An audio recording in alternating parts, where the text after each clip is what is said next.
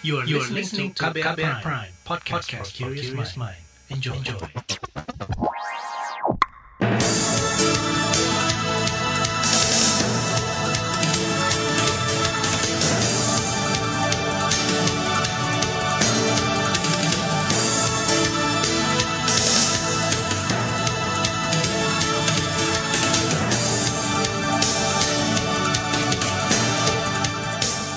Selamat pagi saudara, jumpa lagi di program Buletin Pagi edisi Kamis 30 Desember 2021. Saya Sindu Darmawan. Sejumlah informasi pilihan telah kami siapkan di antaranya angka kematian ibu meningkat tahun ini. Timnas sepak bola Indonesia takluk 0-4 melawan Thailand. Puluhan orang tewas akibat konflik bersenjata di Papua tahun ini. Inilah Buletin Pagi selengkapnya. Terbaru di Buletin Pagi. Saudara angka kematian ibu meningkat tajam pada tahun ini. Data Kementerian Kesehatan menyebutkan pada 2019 ada lebih dari 4.100 kasus kematian. Kemudian pada 2020 bertambah menjadi 4.600 dan tahun ini naik menjadi 6 ribuan orang. Penyebab kematian ibu disebabkan sejumlah hal, mulai dari gangguan hipertensi, pendarahan, obstetri, hingga infeksi pada kehamilan. Pemerintah mengklaim terus berupaya menurunkan angka kematian ibu. Penurunan itu menjadi salah satu target yang tertuang dalam Rencana Pembangunan Jangka Menengah Nasional RPJMN. Berikut keterangan Menteri Kesehatan Budi Gunadi Sadikin. Sarana prasarana, semua puskesmas akan kita siapkan dengan layanan kelahiran dasar dan layanan kelahiran emergency, kita nanti akan mendeploy USG, karena saya juga baru sadar bahwa tidak semua puskesmas kita memiliki USG, sehingga banyak yang kelahirannya ibunya meninggal karena kondisi anaknya tidak diketahui. Jadi kita akan deploy USG ini dalam dua tahun ke depan di seluruh puskesmas, dan kita akan meningkatkan wajib pemeriksaan kehamilan dari empat menjadi enam kali, dan dua di antaranya harus dengan dokter. Menteri Bunadi Sadikin mengatakan Kemenkes juga akan memperbaiki sistem regulasi, salah satunya mengenai rujukan. Menurutnya, alur rujukan yang sulit akan dipermudah supaya perawatan terhadap pasien bisa lebih cepat dilakukan sehingga tidak menimbulkan kefatalan atau kematian ibu. Kemenkes mencatat angka kematian ibu terbanyak ada di Jawa Barat dengan 745 orang, kemudian Jawa Timur dengan 560-an orang, dan Jawa Tengah 530 orang. Pemerintah Provinsi Jawa Tengah mengakui kasus kematian ibu di daerahnya cukup tinggi. Kepala Dinas Kesehatan Jawa Tengah, Yulianto Prabowo, mengklaim berbagai upaya dilakukan untuk mengurangi angka kematian ibu. Misalnya melakukan penyuluhan dan pembagian vitamin. Evidence-based practice di Jawa, di Jawa Tengah ini adalah kita lihat dari identifikasi masalah yang muncul itu angka kematian masih tinggi, kasus anemia remaja putri tinggi, pemberian zat besi tablet tambah darah ini dapat mengatasi anemia, pencegah perdarahan bersalinan ya. Tetapi ternyata apa yang kita berikan tablet tambah darah tidak pernah diminum. Ibu hamil juga begitu sama. Remaja putri juga ogah minum. Dinas Kesehatan Jawa Tengah juga terus berupaya melengkapi fasilitas kesehatan di tingkat masyarakat, seperti puskesmas dan unit kesehatan masyarakat terkecil di tingkat RT atau RW. Saudara Badan Kependudukan dan Keluarga Berencana Nasional BKKBN menjelaskan beberapa faktor penyebab tidak langsung dari kematian ibu, yakni tiga terlambat. Terlambat memutuskan untuk membawa ke fasilitas kesehatan, terlambat mencapai tempat fasilitas kesehatan, dan terlambat mendapatkan pelayanan di fasilitas kesehatan. Selain itu, penyebab tidak langsung lain adalah empat terlalu, yaitu terlalu muda melahirkan, terlalu tua melahirkan, terlalu banyak melahirkan, dan terlalu dekat jarak kelahiran. Namun, menurut pengurus Pusat Ikatan Bidan Indonesia, IBI, Tuti Sukaiti, pendarahan pasca persalinan menjadi penyebab paling dominan angka kematian ibu. Kata dia, untuk mencegah risiko kematian ibu, para tenaga kesehatan perlu sigap melakukan pertolongan pertama sebelum dan pada saat mengirim pasien ke rumah sakit rujukan. Hal itu penting supaya jangan sampai terlambat menangani kegawat daruratan maternal pada ibu. Terdapat sekian banyak penyakit dan gangguan dalam kehamilan yang mengancam keselamatan ibu dan bayinya, Dan ketiga, kasus obstetri yang apabila tidak ditangani akan akibat berakibat kematian ibu dan janinnya. Kasus gawat darurat tersering pada kehamilan dan persalinan nipas itu adalah hipertensi dalam kehamilan atau preklamsi dan eklamsi dan perdarahan pasca salin. Ini yang paling sering. Itu tadi pengurus Pusat Ikatan Bidan Indonesia Tuti Sukaiti. Sementara itu, kalangan ahli kesehatan masyarakat menilai penambahan fasilitas di puskesmas oleh pemerintah belum tentu mampu menekan angka kematian ibu. Menurut pengurus Pusat Ikatan Ahli Kesehatan Masyarakat Indonesia IAKMI bidang gizi dan stunting, Ayu Anggraini, yang terpenting adalah bagaimana menggerakkan kesadaran para ibu untuk rutin memeriksakan kehamilan kita sarankan untuk menggerakkan kader-kader posyandu, coba menjemput bola, menangkap ibu-ibu yang hamil ini di mana nih, pemataannya di mana, ada di mana gitu. Kalau solusinya hanya USB portable, jelas itu tidak memadai gitu. Justru yang memadai itu adalah jemput bola dari tenaga kesehatannya untuk pemeriksaan ke ibu-ibu hamil ini yang dengan berbagai kendala mungkin mereka justru tidak mampu atau tidak sanggup untuk pergi ke puskesmas atau ke posyandu. Pengurus pusat IAKMI bidang gizi dan stunting Ayu Anggraini menambahkan kematian ibu bisa terjadi karena pendarahan atau komplikasi tubuh. Padahal hal itu bisa dicegah dengan memberi edukasi kepada para ibu tentang pentingnya memeriksakan kehamilan. Tugas itu sepatutnya juga dilakukan tenaga kesehatan di puskesmas dan juga di posyandu. Saudara Timnas Indonesia takluk 04 dari Thailand. Informasi selengkapnya hadir sesaat lagi tetaplah di Buletin Pagi KBR. You're listening to KBR Pride, podcast for curious mind. Enjoy!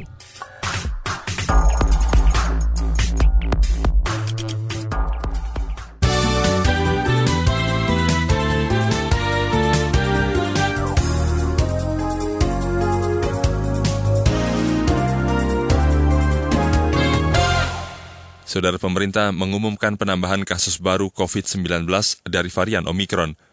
Menteri Kesehatan Budi Gunadi Sadikin mengatakan ada penambahan 21 kasus baru Omikron yang teridentifikasi kemarin. Jadi kemarin ada 47 ya, karena ada satu orang di Jakarta yang dan itu transmisi lokal. Nah tadi pagi kita temukan lagi ada 21 orang, jadi totalnya ada 68.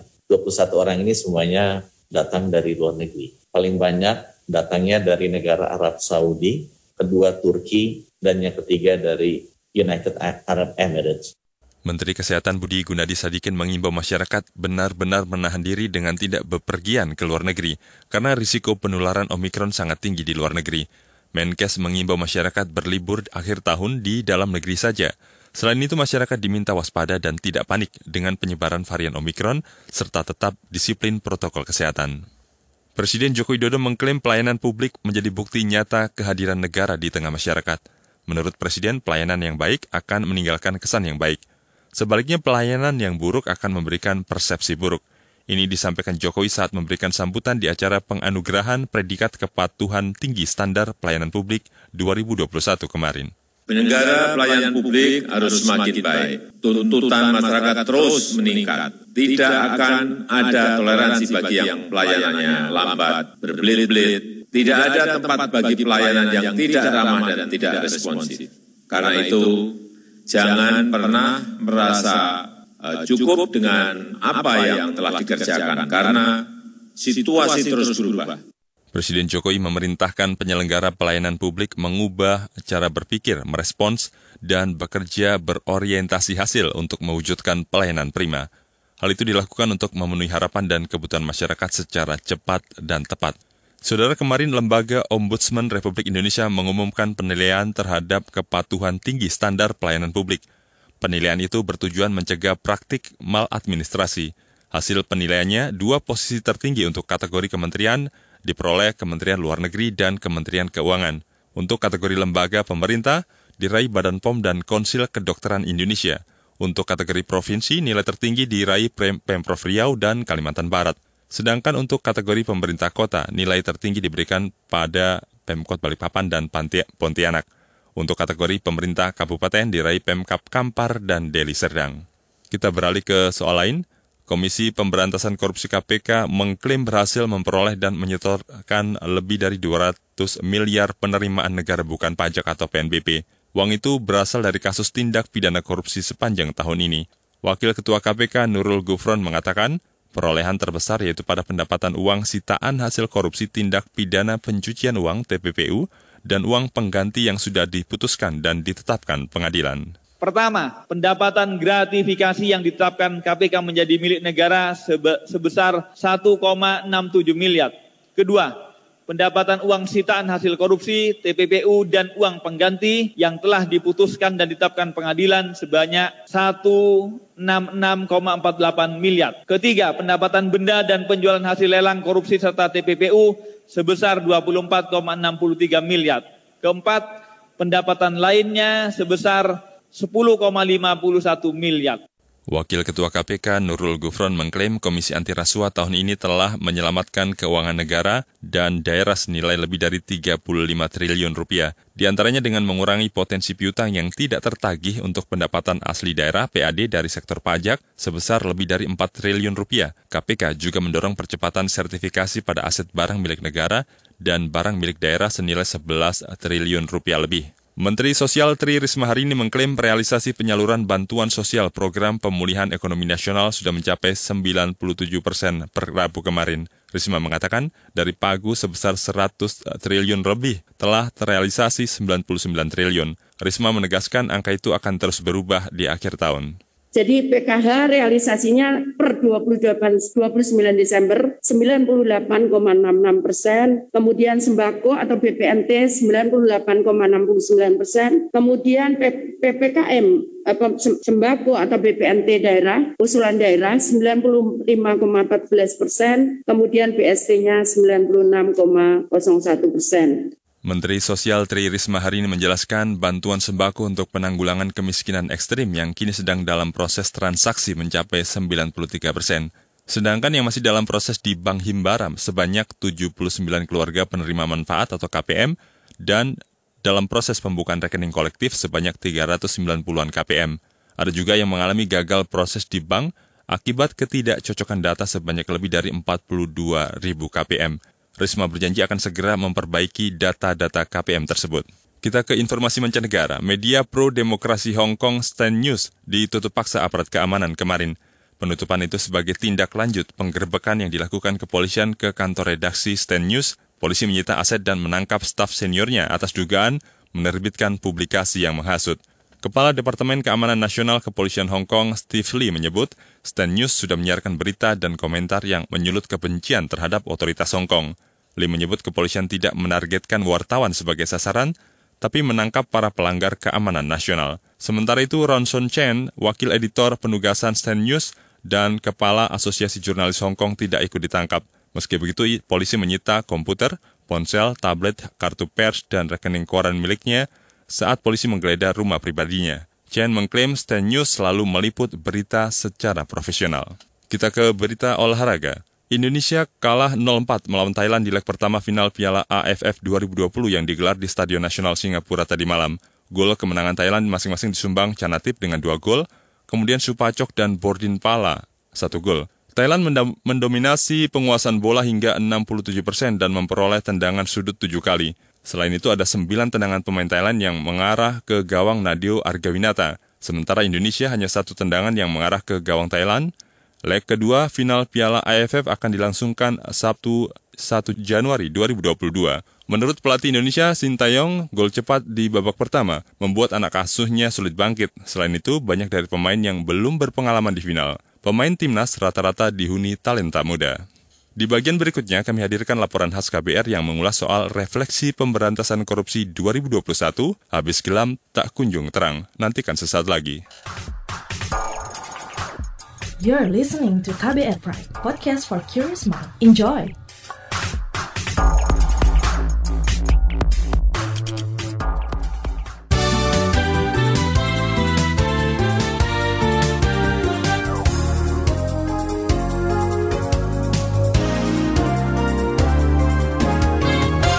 Anda masih bersama kami di Buletin Pagi KBR. Saudara, upaya pemberantasan korupsi di tanah air masih menjadi sorotan masyarakat.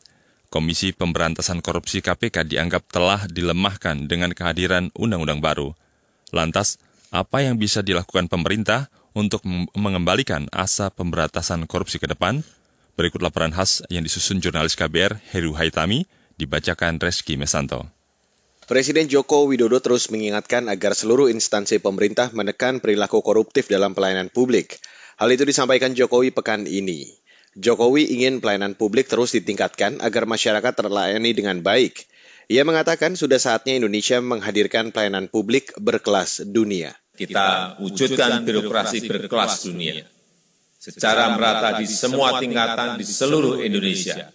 Kita manfaatkan dan kembangkan inovasi digital yang inklusif, kita terapkan digitalisasi untuk meningkatkan efisiensi, efektivitas, produktivitas, dan akuntabilitas. Kita tekan, kita minimalkan penyimpangan dan perilaku koruptif di semua lini, di semua lembaga. Jokowi tak memungkiri perilaku korupsi merupakan kejahatan luar biasa. Pada peringatan Hari Anti Korupsi Sedunia 2021, Jokowi mengakui kasus korupsi yang ditangani aparat penegak hukum jumlahnya luar biasa. Selama periode Januari sampai November 2021, Institusi Polri menyidik lebih dari seribu perkara korupsi, sementara Kejaksaan menyidik 1.400-an kasus korupsi dan KPK menyidik seratusan kasus korupsi. Menteri Koordinator Bidang Politik, Hukum, dan Keamanan Mahfud MD menilai banyaknya perilaku koruptif terjadi akibat hukum saat ini mudah diperjualbelikan. Penegakan hukum pidana korupsi melemah lantaran saat ini tak lagi ada ketakutan pejabat publik terhadap hukum. Mari kita membangun kesadaran di kalangan kita bahwa memberantas korupsi itu jangan hanya takut kepada hukum. Karena kalau takut kepada hukum itu bisa diakal-akali. Orang bisa beli hukum sekarang. Orang bisa mengindustrialisasikan hukum sekarang. Bukan membuat hukum industrialisasi, tapi industrialisasi hukum. Di mana hukum itu bisa dibuat untuk membangun sebuah perkara atau untuk menghilangkan sebuah perkara atau memindahkan sebuah perkara sehingga orang bisa dengan seenaknya korupsi. Mahfud meyakini tindak pidana korupsi bisa diberantas dengan menjaga pemerintahan yang demokratis. Menurut Mahfud, jika negara berjalan demokratis, kontrol terhadap korupsi pun dapat berjalan baik. Namun Pusat Kajian Anti Korupsi Universitas Gajah Mada atau PUKAT UGM menilai penegakan hukum terhadap koruptor selama ini tidak memberikan efek jerah dan tidak membuat takut koruptor. Peneliti Pukat UGM, Yuris Reza Kurniawan menyarankan lembaga penegak hukum seperti KPK melakukan tindak keras berupa tuntutan pemiskinan kepada koruptor. Pemiskinan itu kan bahasa sederhana, bahasa eh, apa terminologi yang lebih baik adalah perampasan aset. Jadi intinya siapa pun yang menjadi pelaku korupsi seharusnya penegak hukum bisa mengejar seluruh aset hasil korupsinya, baik itu melalui misalnya pidana uang pengganti, baik itu misalnya melalui badan senjata yang itu juga ada dalam undang-undang tipikor dan berbagai cara yang lain. Kritik juga dilontarkan Lembaga Pemantau Korupsi Indonesia ICW. Peneliti ICW, Egi Prima Yoga mengatakan kebijakan politik untuk memperkuat agenda pemberantasan korupsi kian meredup. Kalau harapan tentu ada perbaikan ya. Tapi uh, buat saya yang penting adalah habis gelap tak kunjung terang gitu. Biasanya kan habis gelap habis gelap itu terbitlah terang, tapi ini terus gelap. Nah, artinya gelap yang melanda kita akan cukup lama, akan berlangsung cukup lama dan konteksnya adalah itu menggambarkan bagaimana pemberantasan korupsi sebegitu parahnya, sebegitu muramnya, sehingga di sini kita sebagai warga harus bergerak. Kita nggak bisa lagi berharap pada pada negara yang kita tahu seperti apa. Tadi demokrasinya mengalami kemunduran, ada represivitas dan sebagainya. Jadi betul-betul ada di tangan warga dan kita harus bergerak. Kita bergerak itu poin pentingnya. Peneliti ICW Egi Prima Yoga mengatakan upaya pemberantasan korupsi yang kian merosot berdampak pada semakin buruknya pengelolaan etika pejabat publik. Praktik rangkap jabatan publik menyatunya kepentingan politik dan bisnis menjadi bukti konkret melemahnya tata kelola pemerintahan. Dan saudara laporan ini disusun Heru Haitami, saya Reski Mesanto. Saudara informasi dari berbagai daerah akan hadir sesaat lagi, tetaplah di Buletin Pagi KBR. You're listening to KBR Pride, podcast for curious mind. Enjoy!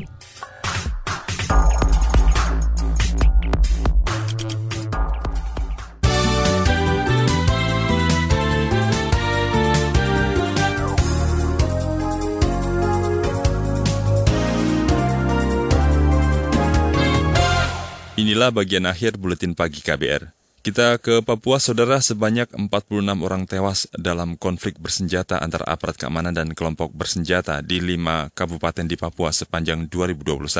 Kapolda Papua Matius D. Fakiri menyebut korban dari kalangan warga sipil 19 orang, personel TNI 11 orang, Polri 4 orang, dan anggota kelompok bersenjata 12 orang. Puncak, Nduga, dan Intan Jaya. Pasca itu kita tahu ada kejadian susulan yang memang bukan di beberapa area yang selama ini selalu terjadi. terjadi. Di Yaukimo dan tidak pernah, memang kita sudah menduga tapi kita tidak pikir akan secepat itu, termasuk terakhir yang terjadi di daerah Pegunungan Bintang di Kiwirau. Kapolda Papua Matius D. Fakiri mengatakan, selain korban tewas, konflik bersenjata di bumi Cendrawasih tahun ini juga mengakibatkan 11 warga sipil dan 3 polisi terluka. Kita beralih ke Yogyakarta. Aksi kejahatan jalanan anak di bawah umur atau kelitih di Yogyakarta kembali marak terjadi. Bahkan tagar atau tanda pagar Sri Sultan Yogyakarta Darurat Kelitih juga sempat trending di media sosial. Menanggapi hal itu, Gubernur Yogyakarta Sri Sultan Hamengku Buwono ke-10 mengatakan butuh biaya mahal untuk mengatasi kelitih karena kondisi anak pada masa sekarang berbeda dengan masa dahulu. Kelitih itu ditangani, ditangani ya, tapi mungkin memang memang kondisi real berbeda ya. Anak-anak itu beda. Dan mungkin pendidikan atau mungkin pengawasan juga. Mungkin kondisinya dulu sama sekarang ya beda ya.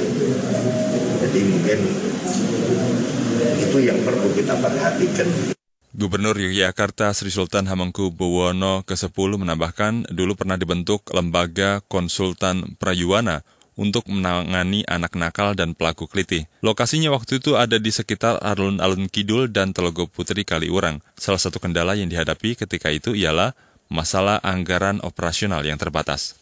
Kita bergeser ke Kalimantan Timur. Pemerintah Kota Balikpapan akan menutup sejumlah fasilitas publik saat malam pergantian tahun. Kepala Satpol PP Kota Balikpapan, Zulkifli, mengatakan salah satu yang ditutup yaitu Lapangan Merdeka yang selama ini kerap menjadi tempat masyarakat untuk berkumpul. Pemkot Balikpapan juga melarang perayaan malam tahun baru. Uh, jadi untuk kita menyambut tahun baru ya, yang pertama adalah kita sampaikan ke masyarakat malam tahun baru akses jalan utama untuk ke lapangan Merdeka dan sekitarnya sudah tutup. Jadi ini bukan penyekatan bukan ya penutupan pas malam tahun baru saja gitu. Nanti dari sore udah kita tutup sampai nanti malam. Baik. Kepala Satpol PP Kota Balikpapan, Zulkifli mengimbau warga Balikpapan merayakan malam pergantian tahun di rumah saja. Kata dia, ratusan petugas gabungan akan disiagakan di sejumlah posko untuk mengawasi penerapan protokol kesehatan pencegahan COVID-19. Saudara Pusat Studi dan Dokumentasi Agraria Sa Jogyo Institute menyebut, konflik agraria di Indonesia mayoritas disebabkan dorongan pembangunan infrastruktur skala besar dan timpangnya penguasaan lahan. Peneliti Sa Jogyo Institute, Ahmad Jaitulo mendorong pemerintah lebih bijak dalam mengambil keputusan yang melibatkan masyarakat pengguna maupun pemilik tanah dan lahan. Peneliti Sa Jogyo Institute, Ahmad Jaitulo, juga mendorong perbaikan implementasi kebijakan reforma agraria di lapangan. Dia menilai peraturan presiden tentang reforma agraria sudah cukup baik, namun kebijakan itu tidak diiringi praktik yang bagus di lapangan. Berdasarkan laporan dari Konsorsium Pembaruan Agraria atau KPA, konflik agraria yang terjadi selama lima tahun kepemimpinan Presiden Jokowi pada 2015 hingga 2020 mencapai lebih dari 2.000 kasus di seluruh Indonesia. Saudara, informasi tadi menutup jumpa kita di Buletin Pagi hari ini. Pantau juga informasi terbaru melalui kabar baru, situs kbr.id, Twitter kami di akun @beritaKBR, serta podcast di alamat kbrprime.id. Akhirnya saya Sindu Darmawan bersama tim yang bertugas undur diri. Salam.